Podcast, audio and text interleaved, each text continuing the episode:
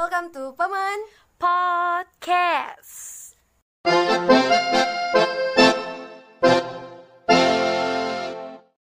Halo, halo. Halo, balik lagi guys sama kita guys. Siapa kita? Beta, Bebe dan Tata. Hari ini di episode pertama kita bakal bawain sesuatu yang spesial. Kita bakal sharing sesuatu yang spesial. apa tuh? Kita bakal bahas teman toxic guys. Sesuai Wow. sesuai polling kalian di Instagram kemarin. Kita kan udah kasih kalian pilihan nih mau bahas tentang teman toxic atau insecurity tapi ternyata kalian lebih milih untuk kita bahas teman toxic. Oke, langsung aja lah gak usah basa-basi lama-lama ya. Gue mau nanya sama lu Be. Asik. Kenapa tuh? Menurut lu nih ya, kita mau ngomongin toxic nih. Oke. Dari diri lo sendiri, maksudnya dari sudut pandang lo ya. Menurut opini lo gitu. Apa sih toxic itu tuh apa sih? Oke, kalau lu cari arti toksik itu sebenarnya kan toksik tuh racun ya. Mm-mm. Dan kalau dibilang temen toksik atau orang yang toksik dalam hidup lu berarti secara nggak langsung menurut gue adalah orang yang kasih dampak negatif ke hidup lo. Meracuni lah ya. meracuni. Oke. jadi temen toksik atau orang toksik yang ada di sekitar lu tuh adalah orang-orang yang kasih dampak negatif atau dampak buruk kehidupan lo. Oh, Kayak setuju, gitu setuju, sih. setuju. menurut gue gitu. Menurut gue juga sama sih nggak jauh beda sama pendapatnya si B. Jadi menurut gue apa ya temen toksik eh dari toksik dulu deh. Toksik itu sesuatu apa ya dampak lah dampak yang benar-benar negatif bener bikin lo yang tadinya nggak pernah kayak gitu jadi kayak gitu. Iya, dan itu tuh keada di, keadaan di mana di, lo tuh dipaksa buat berubah. Ngerti gak sih? Kayak lo di satu posisi ini punya teman yang toksik nih. Kita Hmm, ngomongin teman toksik ya. Iya. temen toksik lo ini tuh kayak punya sifat yang jelek banget. Dan itu tuh berdampak ke lo yang tadinya lo jadinya lo ikutan lo gitu ikut ya, ya lo jadi ikutan gitu loh. Oke, jadi oke. lo mencerminkan bukan mencerminkan sih kayak mencontoh apa yang dia lakukan. Karena udah terbiasa bareng gitu kan. Dan lo. Terlalu sering bersama gitu ya asik. Menghabiskan waktu bersama jadi ke bawah ke bawah ke bawah ketempel lah ya ibarat kata kayak gitu sih. Setuju gue setuju. Oke gue mau tanya. Hmm. berarti kan kalau tadi lu udah bilang dan lu udah kasih pengertian atau sudah di sudut pandang lu berarti secara langsung harusnya sih lu ada pengalaman ya. Tapi sebelum itu gue mau tanya dulu dampak berteman sama temen toksik tuh kayak gimana sih menurut lo? Dampaknya gimana kayak yang tadi gue udah bilang sih kayak apa ya yang tadi lo tuh nggak punya nih satu sifat yang misalkan nih kayak Hmm. gue ngambil contoh simpel deh gue punya temen yang menurut gue toxic nih Hmm. dia tuh orangnya ngambekan dikit-dikit tuh update story dikit-dikit update status dan lo tuh kepancing gitu loh dampak yang gue rasain ya gue kepancing kepancingnya gini loh karena- dia dia bisa nyindir gue di story Oh. kenapa gue nggak bisa? Gitu loh. Jadi kayak yang tadinya gue nggak ber- nggak pernah berbuat kayak gitu nggak pernah kepikiran kayak gitu tapi dengan gue berteman sama dia terus gue tahu itu status buat gue gue jadi kayak terpancing oh gue berarti gue harus balas nih. Kalau nggak nggak clear. Kayak kalau nggak dia menang gue kalah gitu loh ibarat kata kayak gitu. Dan itu dampak yang paling bener-bener gue rasain. Jadi berpengaruh banget ya? berpengaruh banget banget. Itu tuh bener-bener merubah sifat merubah kebiasaan lo tuh jadi yang lebih buruk sih menurut gue nah kalau lo sendiri menurut tuh gimana? Dampak temen toksik itu gimana? Ya nggak jauh beda sih 11-12 sama lu. Jadi menurut gue bahkan lebih parahnya adalah kebiasaan baik lu ketika lu berteman dengan orang toksik kebiasaan baik itu bisa hilang dan tergantikan sama kebiasaan buruk. Yap, itu main ininya banget ya bener-bener dasar lah ya. Itu udah eh, pasti ya. bener-bener pasti bakal berujung ke sana kalau emang lu Hmm. lingkungan lu sekitar lu atau lu kasih hidup lu tuh atau dipenuhi sama orang-orang yang toksik. Toxic yep, setuju gue oke kita dari tadi udah ngomong dampaknya terus kita udah ngomong pengertian teman toksik itu apa. Nah kalau pendengaran gue tadi lo ngejelasin udah bisa detail banget. Hmm. berarti lo punya pengalaman ada nih Be? dong pasti ada, Pasti ada. gue percaya lah, deh boleh lah. setiap orang lu mau SMP ke lu mau SMA atau lu udah kerja. Bahkan kerja sih menurut gue Iya, pasti, dikelilingi ya pasti ada orang-orang toksik Yap, tuh yang yap, yap. di sekitar lu tuh pasti ada. Yap, setuju gue. kalau pengalaman gue kita nggak usah ini lah ya nggak usah buka identitas. Pokoknya dulu gue punya teman Mm-mm. orang ini tuh bener-bener kasih dampak yang gimana ya dampak negatif lah ke gue secara nggak langsung Mhm. sebenarnya orangnya baik sih Eh, orangnya beragama orangnya sopan santun dan segala macam sampai akhirnya satu titik gue baru tahu dia toxic dalam hidup gue tuh karena gini ini anak tuh bener-bener terobsesi banget buat dapat nilai bagus. Oke. ya nggak salah sih. Nggak salah iya. Tapi cara dia buat dapetin nilai bagus itu tuh yang menurut gue agak salah dan seharusnya nggak kayak gitu. Kenapa? Karena gini eh, orang itu tuh baik. Dia care dia peduli dan segala macam tapi ketika berurusan dengan nilai itu dia bener-bener apa ya bahasanya ya bener-bener gila banget sama nilai. Pokoknya Wow. nilai dia harus bagus dan gak boleh jelek. Contoh ketika lu satu kelompok sama dia Mm-mm. lu harus perfect juga oh perfectionist Iya, orangnya lu harus perfect juga. Oke, Misal, eh, yang gue gak suka tuh gini, deadline misalkan anggap let's say hari Kamis, Mm-mm. tapi nih anak karena terobsesi banget sama nilai dan pengen-pengen cepet-cepet selesai, Ha-ha. padahal tuh deadline hari Kamis, lu harus sudah selesai hari Selasa misalkan. oke Menurut bagus sih, tapi kan nggak semua orang bisa lu pukul sama Iya rata benar benar benar benar buat kayak lu banget Nah, gitu, kayak saat bener-bener kayak dia banget. Karena kenapa? Pasti lu punya tanggung jawab yang Yap, beda, benar-benar. lu punya tugas yang beda. sibukannya juga beda ya, gitu ya jadi lu nggak bisa pukul atau lu nggak bisa, sama ratain eh, lu nggak bisa mengharuskan orang itu juga harus ngikutin lu. Hmm. Walaupun sebenarnya bagus sih tujuannya supaya cepet-cepet selesai, tapi menurut gue sih itu nggak terlalu gimana ya, nggak terlalu fleksibel sama orang karena gini loh, ketika lu mementingkan diri lu sendiri dan lu nggak melihat situasi kondisi yang ada, itu egois banget, banget sih. banget banget Nah dari itu tuh gue ngeh, oh iya ternyata temen gue toksik ya. Kenapa toksik? Karena gini, ketika dia nggak gak dapetin yang dia mau, dia pasti bakal marah ke gue. Dia Ah. pasti bakal entah lu mau sindiran kayak kayak temen lu tadi iya di status sosmed dan segala macam atau bahkan dia bisa apa ya bahasanya ya bisa ngomongin lu dari belakang dan ke teman-teman yang lain oh juga loh menghasut ya kayak gitu ya ya semacam kayak gitu loh dan Oke, oke, oke. dan gue tuh ngerasa risih kayak lu kok kayak gitu sih? Maksudnya Hmm. ketika lu nggak suka ya ngomong lah. Tapi anak ini tuh sebenarnya teman gue ini gue udah pernah ngomong ketika kayak tadi contohnya ya misalkan dia hari Kamis tapi dia minta selesai hari Selasa gue udah bilang gue udah ngerjain nih tapi gue nggak bisa bener-bener selesaiin hari hari Selasa gitu. Karena gue punya A B dan C. Dia tuh tipe yang nggak mau denger sama sekali. Ah. Dia tapi dia mau pendapat dia opini dia tuh gue dengerin tapi opini gue pendapat gue dan alasan gue kenapa gue nggak bisa ikutin maunya dia tuh dia nggak mau denger. Hmm. kayak gitu loh. Jadi kayak gue ngerasa kok lu gitu banget sih ketika berhubungan dengan nilai? Jadi Iya, bener-bener terobsesi banget sih.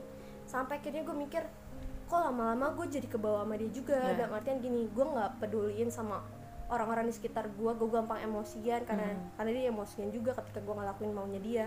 Terus dia tuh yang tadi gue bilang eh, harus ikutin maunya dia kalau nggak mau gue bakal marah gue bakal ngambek dan segala macam dan gue nggak tanpa gue sadari itu juga gue ikutin ah kayak iya iya kayak iya, lu bilang iya. tadi kayak kayak lu mencontoh gitu Iya, iya, lu benar, mencontoh dan lu akhirnya kayak lu gam lu sensitif Yap. lu gampang baperan Yap. lu egois dan Yap. akhirnya sampai satu titik gue ngerasa oh iya ya, kok gue lama-lama jadi kayak dia ya dan gue Mhm, ngerasa oke ini udah di jalur yang salah gue stop gue cut ya udah gue nggak mau lagi. Hmm. kayak gitu sih. Kalau lu kalau kalau gue ada sih tapi teman gue ini agak unik sih sebenarnya.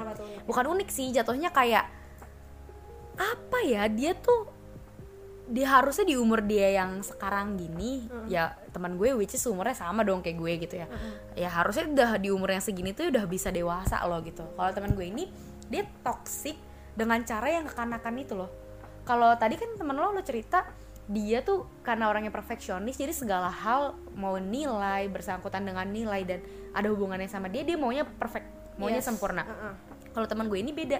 Teman gue ini lebih ke arah toksik secara kanak-kanak gitu loh. Yang tadi gue bilang deh salah satu contohnya dia pasang status. Itu maksudnya menurut gue ya di umur kita sekarang tuh nggak wajar loh. Maksudnya lo punya masalah. Lo nggak suka bukan maksudnya nggak suka sih. Mungkin gue berbuat salah tanpa yang gue sadar gitu ya. Tapi gue sama dia dulu pernah bikin perjanjian gitu loh jadi kalau misalkan eh, gue punya salah atau dia eh, atau gue nggak sengaja ngomong yang nggak suk nggak bi- nggak bikin hati dia seneng gitu loh dia ibarat kata. "Ah, ah, ah." itu tuh kita harus ngomongin. Jadi gue maunya tuh gue sama lo tuh temenan itu terbuka. Oke. Jadi nggak ada yang tutup tutupin nggak pakai sindir sindiran itu tuh awal banget pertama kali gue temenan sama dia kita udah ngomong kayak gitu. Nah, tapi ternyata tapi ternyata nggak gitu. Dia orangnya gini kalau gue ngelakuin kesalahan yang menurut dia salah lah ibarat kata gitu ya nggak berkenan buat dia dia bakal diem dan dia bakal nunjukin dia marah sama gue tapi dia nggak kasih tahu alasannya. Dan dia bakal lebih pilih buat update status which is orang-orang di luar sana tahu dia punya masalah dibandingkan dia cerita ke gue apa yang dia rasain sama gue. Diumbar gitu lah diumbar ya. diumbar jadi kan kesannya gini gue sama dia temenan terus dia pasang story dan status kayak gitu teman-teman kelas gue tuh pasti nanya ke gue karena mereka tau ya gue deket sama dia gitu loh. Eh tuh kenapa? Status dia si dia itu nyindir lu ya? Jadi kayak kesannya apa ya gue gak tau apa apa tentang dia itu pertama. Terus kedua yang gue nggak suka gimana ya kalau lu punya masalah yang sama gue lu ceritanya sama gue gitu loh ngomong sama gue. Selesain aja Selesain gitu. lah ya. Jadi kan dengan apa ya menurut gue tuh dia tuh berdampak gitu loh setelah dia nunjukin dia nggak suka lewat status itu tuh gue jadi overthinking gitu loh gue masih kayak gue tahu sih itu buat gue tapi gue mikir jadi kayak berlebihan dah gue mikirnya. Masa iya sih gue inget-inget tuh kata per kata yang tadi gue ucapin ke dia apa? Stres Oh, sendiri gak sih gue? iya gue flashback gitu flashback ya? gue auto flashback Wow. auto flashback karena gue orangnya gue emang emang basicnya gue orangnya overthinking memang. Ditambah lagi dia kayak gitu. Hmm. dia kayak ibarat kata mainnya tebak-tebakan gitu loh. Gue harus nebak apa sih salahnya gue ke dia? Terus apa sih ketika yang lu udah chatting dia lu minta maaf terus status pasti bakal dihapus gak dihapus. Jangan kan Oke. itu. Jangan kan itu. Gue ngerasa dia update status 10 menit yang lalu. Hmm. baru gue buka detik itu juga. Langsung oh dihapus. ketika udah lihat dihapus. hapus. jadi kan Oke. kesannya gue overthinking juga dong. Iya, gue iya. mau berpositif thinking kayak enggak kali ya bukan buat gue. Tapi nggak bisa. Karena gue ngerasa ya baru gue lihat kok dihapus gitu loh. Ngerti gak sih? Iya, iya. kayak itu tuh itu tuh menurut gue toxic banget buat gue. Karena apa ya gue tuh orangnya emang mendem juga tapi gue nggak suka kalau caranya kayak gitu gitu loh. Jadi lo men kalau lo mau mendem ya pendem aja. Nggak usah semua orang harus tahu. Dan bikin kesannya gue tuh sebagai temennya dia tuh nggak tahu apa-apa juga gitu loh.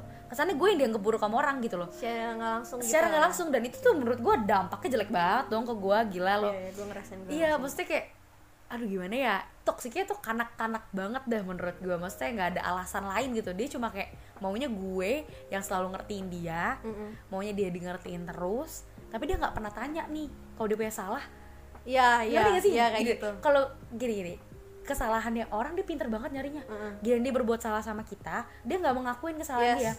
dia. Bakalan tutup Dia bakal dia bakalan kubur. Nih bayangin ya gue misalkan ya kalau gue kan memang kalau lagi ada masalah atau mungkin lagi kesel atau lagi unmood banget ya nggak moodnya nggak bagus banget gue pasti bakal diem. Oke. Dia kalau kalau gue lihat gue lagi unmood lagi diem gitu dia bukan ngorek-ngorek apa sih kenapa sih ini orang diem? Hmm, kenapa dia sih alasannya apa? gitu. dia malah waktu liat gue kayak gitu dia malah lebih marah dari gue lah kok gitu? Dikira gue sih? acuh dong gue gue pikir tuh dia bakal bodoh yaudah, amat gitu ya. bodo eh kalau ya, dia gitu. kalau dia bakal bodoh amat gue bakal dengan senang hati. Karena gue nggak suka yang repotin orang dan dia kepo terlalu dalam sama masalah gue pertama gitu. Tapi dia nggak dia malah lebih marah karena gini gue nggak suka ya lo diem diem aja kalau gue salah lo ngomong. Jadi gitu ngerti gak sih? Dia maunya gue kalau dia berbuat salah sama gue gue ngomong sama dia. Hmm. tapi sebaliknya kalau gue ngelakuin hal yang nggak berkenan buat dia dia suruh gue nebak ngerti gak sih ya ya Ih, kayak apa sih ini hubungan? Ini pertemanan macam apa? Kata gue gitu. Ini Tapi- cewek cowok sih? Cewek. Oke. Tapi ya gue tahan-tahan ya gimana ya? Aduh lo tuh kuliah bentar lagi lah gitu ya. Lo tahan dulu dah gitu kan. Apalagi kan orang gue introvert juga gitu. Gue nggak bisa berteman sama semua orang gitu. Gue nggak bisa gampang berbaur. Jadi karena kalau gue udah deket sama ini ya gue sebisa mungkin gue pertahanin. Dan Hmm. cara gimana? Gue ngalah gitu. Jadi gue mendingan kayak udah deh terserah dia mau kayak gimana. Gue nggak usah bales ya udah gitu lah capek gitu udah udah terlalu kayak ya udah bodo amat deh sekarang gue mau nanemin di diri gue kalau emang punya dampak buruk buat gue ya udahlah gitu loh ngerti gak sih? Sama kayak lo gue cut deh. Kalau sebisa mungkin kayak nggak ada kelas nih gue libur gitu ya gue sebisa mungkin malah menjauhkan diri nggak mau ngajak dia jalan karena gue ngerasa ya udah gue cukup berteman di batasnya berteman aja bukan Oke. bukan bergaul ya Iya, ngerti gak sih? ah, iya, nangkep. karena menurut gue ya tadi ah gimana sih gue tuh takutnya merusak ke gue nya lagi Iya, gitu loh iya. gue makin rusak gitu loh. Nanti gue keterusan temenan sama dia sini sini dan status ntar gue berantem sama lu nih. Gue bikin status coba lucu gak lu? Udah gede coy kita posisinya. Iya, iya, ya nangkep, gimana nangkep, sih ya walaupun dewasa tuh nggak dipautin sama umur sih tapi ya seharusnya cara berpikirnya dengan bertambahnya umur tuh makin dewasa gitu loh. itu kan menurut gue gitu. Eh, oke panjang ya lumayan juga. Panjang panjang lumayan.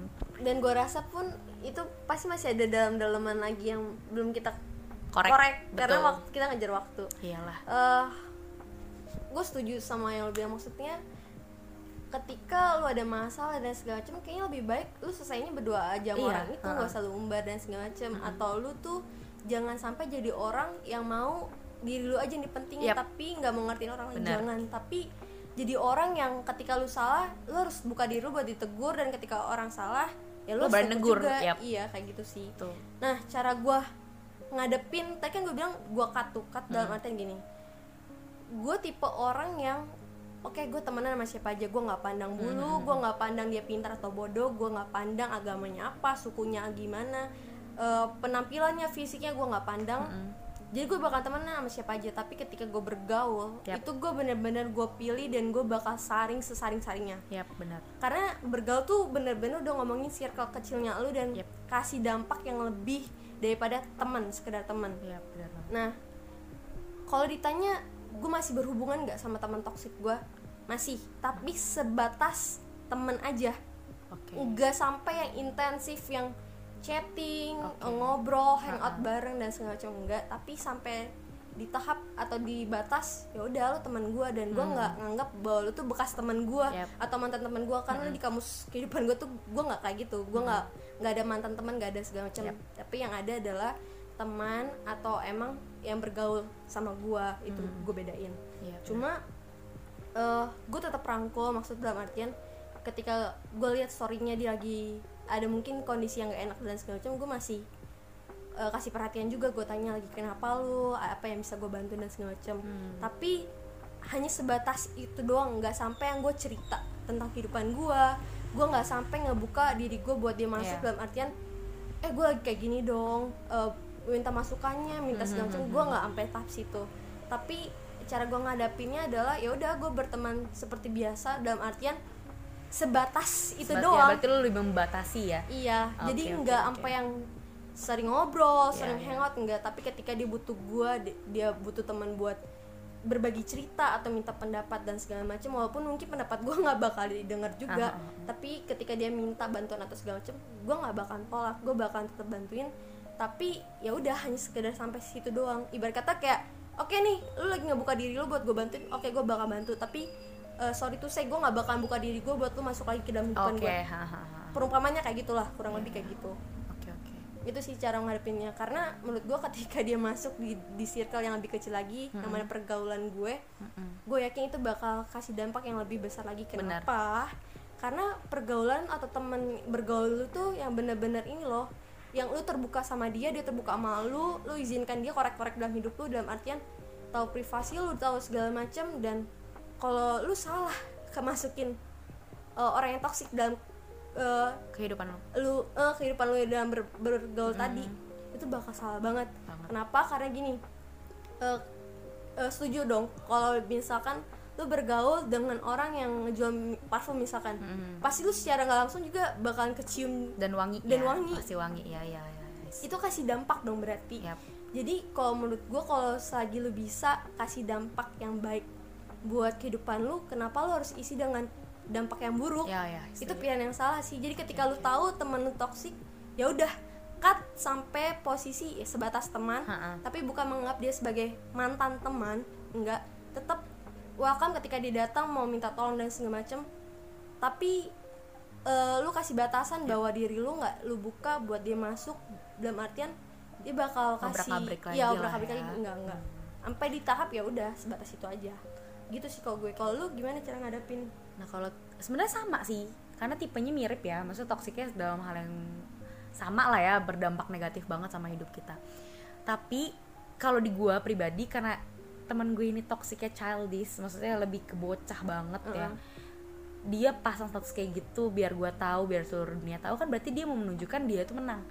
Dan gue tuh kalah, ngerti gak sih? Jadi kayak Oke. kalau yang tadi gue bilang, kalau misalkan dia bikin status terus gua nggak bales tuh kesannya gue yang kalah Hmm. dia tuh menang gitu loh karena dia bisa menginjak-injak gue dengan eh, apa namanya pikiran dia tentang gue yang salah gitu loh sedangkan gue nggak bisa membela diri Hmm. jadi dia menang atas pikiran dia tapi gue nggak bisa gitu loh memenangkan Oke. diri gue jadi kesannya kalau gitu kan gue kalah nah kalau gue cara menghadapinya karena gue tahu sifat dia dia tuh emang sukanya apa sih ya sukanya dia tuh, tuh kayak atas Diumbar-umbar shaker gitu gitu. lah jadi kayak dia emang sukanya narik perhatian orang gitu ya biar dan- orang tahu nih biar orang eh, tahu lagi kayak ah, gini ah, ah nih gue lagi ya dan dia menang atas nih. atas atas apa sih kepengenannya dia itu keinginan dia itu ya gue lebih baik ngalah. Oke. Jadi kalau misalkan dia ya dulu tuh gue pernah sih dia pas status kayak gitu gue juga balas dengan status yang sama. Men- mungkin kayak kalau gue tuh kalau dia pasang status gue mungkin kayak nguploadnya quotes quotes yang agak menyindir gitu loh yang ke sana gitu. Padahal itu gue menyindir balasan dari storynya dia gitu loh. Jadi gue ikutan bawah sih? ya, ke bawah ke bawah ke bawah. Oke. nah tapi kalau misalkan itu kan dulu ya sekarang tuh gue udah ngerasa oh kayaknya kalau kayak gitu gue sama toksiknya kayak dia gitu loh. Oke.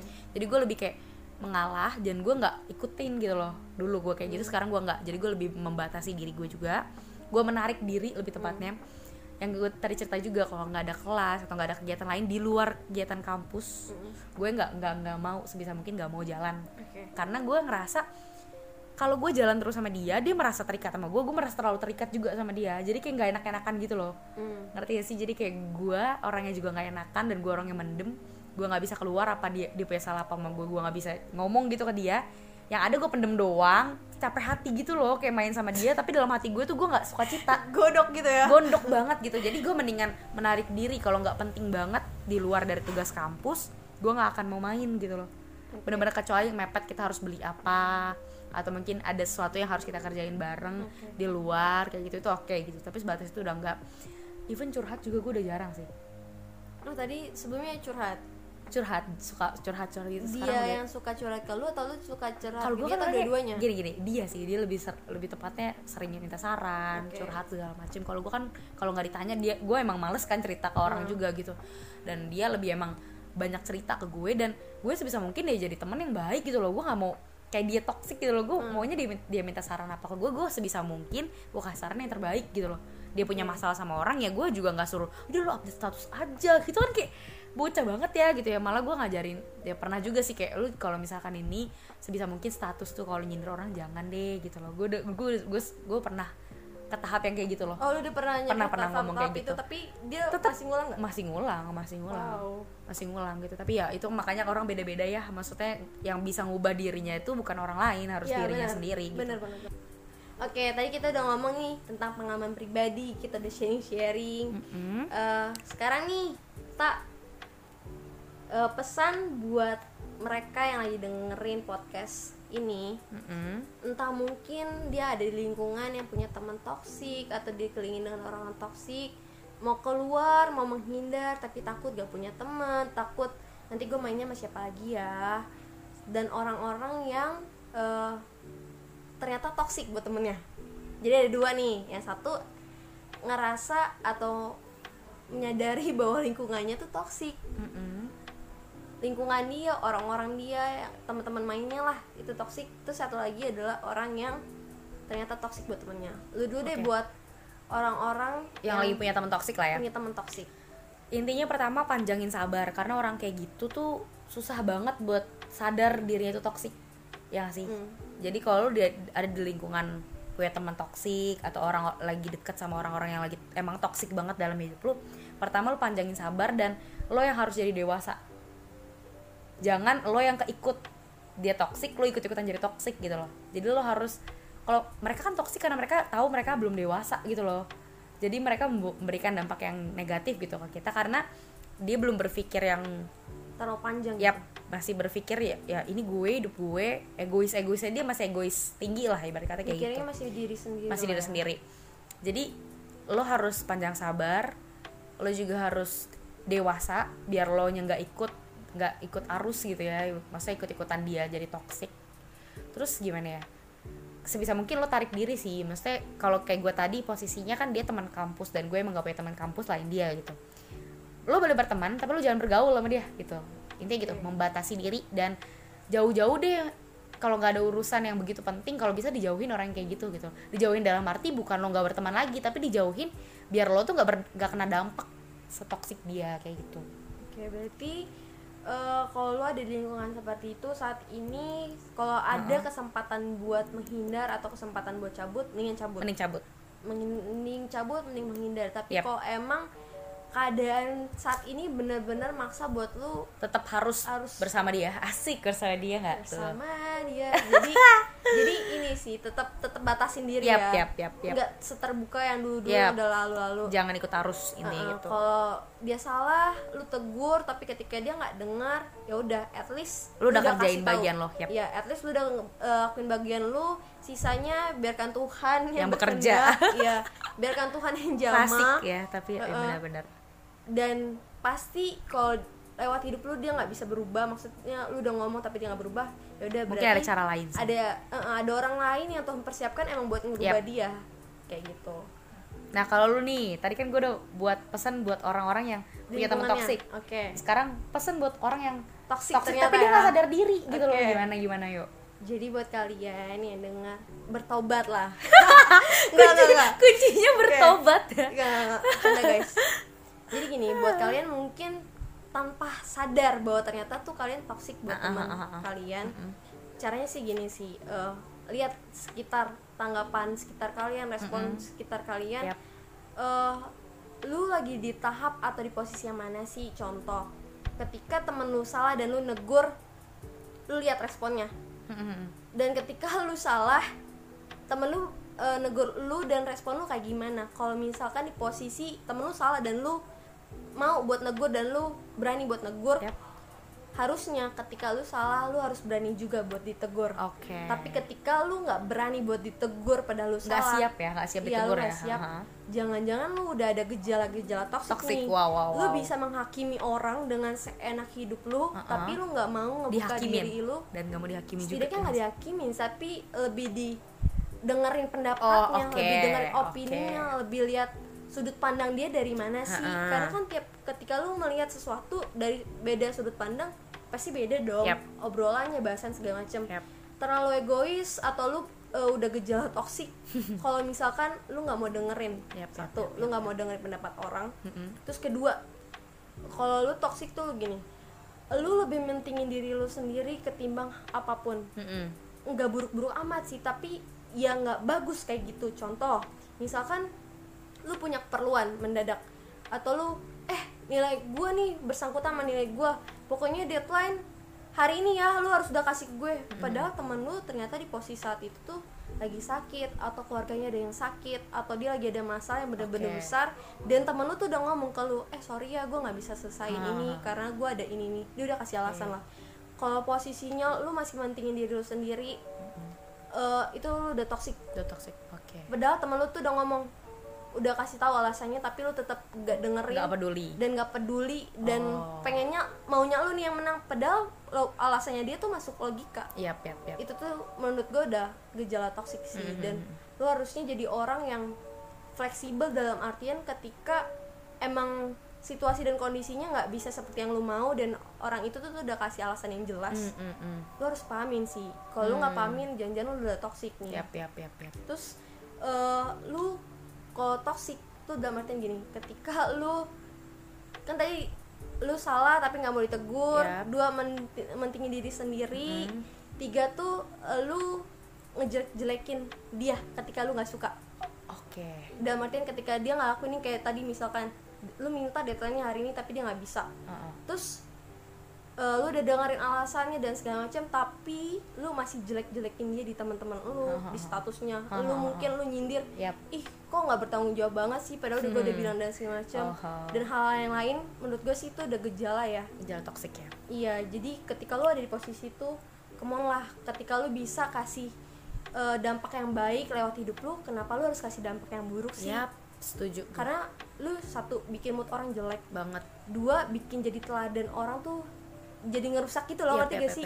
dia punya kebiasaan yang baik tapi ketika berteman dengan lu akhirnya punya kebiasaan yang Buruk. buruk on ya ketika lu bisa kasih yang baik lewat hidup lu kenapa lu harus kasih yang buruk-buruk? Kayak Ya. gitu sih menurut gue jadi ketika lu ada di posisi yang lagi lu toksik buat orang sekitar ya cepet-cepet tobat sih kayak tadi gue bilang Tobat, awal. Tapi kan gue jelasin tuh kenapa. Iya. karena ya tadi sayang banget lu menghabiskan waktu buat kasih dampak yang buruk buat orang. Orang. Mendingan lu habisin waktu lu buat kasih dampak yang baik Dan Karena kan- berguna juga dan buat berguna, orang. Oh, iya. yap. Karena one day orang tuh pasti bakal ingat apa sih yang udah pernah lu lakuin. Yap. Ketika lu lakuin salah, orang tuh pasti bakal ngelihat atau masih masih apa ya, masih mikirin hal itu terus gitu. Hmm. Kayak contoh deh, gelas atau barang pecah belah, piring, beling dan segala macam. Yap. Ketika dia jatuh, Pecah. Pecah bisa nggak perbaikin bisa tapi bentukannya nggak Nggak utuh kayak nggak utuh pertama. kayak awal Yap. sama ketika lo menyakiti orang ketika orang itu mungkin dalam tanda kutip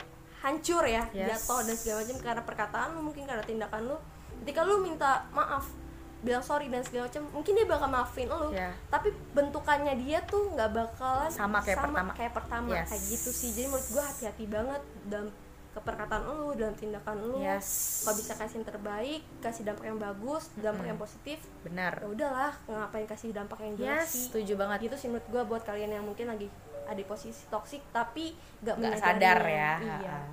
Pokoknya intinya kita tuh hidup cuma sekali ya kan?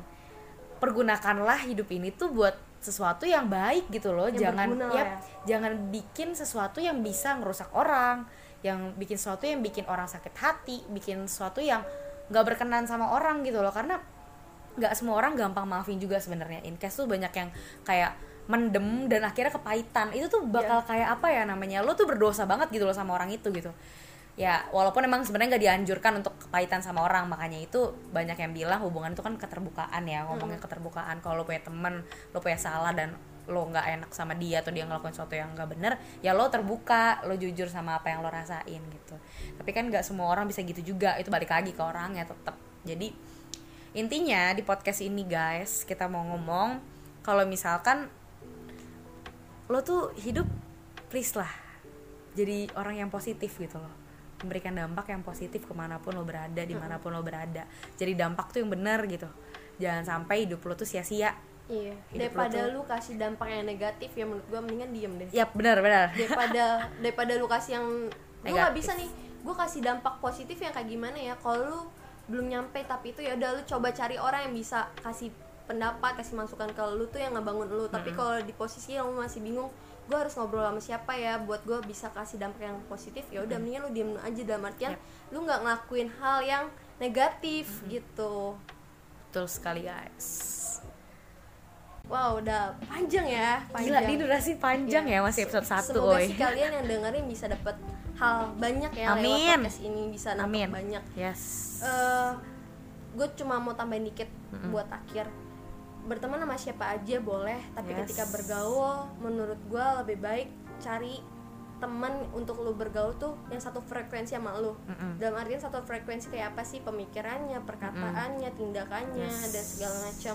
Kalau lu mau eh, lewat eh, lewat hidupnya tuh kasih value yang bagus, Yap. value-value yang berbobot gitu dalam hidup lu ya kayak gitu. Tapi kalau misalkan lu masih di tahap yang bodoh amat dengan hidup lu dan gak peduliin, ya udah bertemanan sama bergaul sama, sama siapa aja tapi kalau menurut gua jika lu mau hidup lu berbobot atau punya value yang yang apa yang berbobot lah harusnya lu berteman dengan siapa aja tapi ketika bergaul lu harus cari orang yang satu frekuensi sama lu. Karena orang bergaul tuh ya udah deket banget lebih lebih dari sekedar teman. Ya karena pergaulan yang buruk tuh merusak kebaik kebiasaan Ya, yang baik. Itu tuh, tuh itu betul, intinya betul, sih kayak gitu. Betul. Kayak udah panjang. Panjang cukup ya. banget. cukup ya kayaknya episode Ya. ini mungkin di sini aja mungkin ya sampai di sini. Tapi kita bakal terus apa ya namanya ya sharing-sharing lah Sharing, yes. pengalaman kita tungguin aja episode keduanya Ya, dan kita seperti biasa kita bakal buka polling nanti di Instagram dan kita ngebuka pintu lebar-lebarnya buat kalian yang mau berbagi cerita. oke yes. Kirim aja ke email yang ada di atau DM deh ya, simpelnya DM, DM, ya atau email. Pokoknya itu ada di eh, description eh no ya bio ya bio ya, ya, bionya Instagramnya Paman Podcast. oke Paman Podcast. yang udah follow di follow back eh maksudnya yang udah kita follow kalian please follow back Yes. atau mungkin yang belum follow boleh di follow kitanya Atau di kalian Paman merasa Podcast. bahwa obrolan ini atau topik ini bisa kasih pencerahan nih Hmm, buat teman-teman kalian segala macam, share aja nggak apa-apa. jangan lupa di share kalau kalian juga mau berbagi atau mungkin gini ada yang mau cerita gue di up Oh boleh, boleh, banget. kita terima Tapi kak aku mau dong ceritaku diangkat dijadiin topik atau dibahas Ah, ah, gitu. ah, ah. Tapi aku mau eh, identitasku nggak dibuka. disamarkan oh Disamarkan. gampang bisa, bisa itu pasti kita terima pokoknya kita butuh banget masukan Email aja lah ya. Email atau aja. nggak DM. Kalau kalian kalian butuh apa apa atau mungkin request apa pun kita pasti terima kita bakal saring dan pasti kita sebisa mungkin bakal kita bikin sesuai permintaan kalian Betul. asik udah yuk sampai ketemu di episode berikutnya. dadah Bye-bye.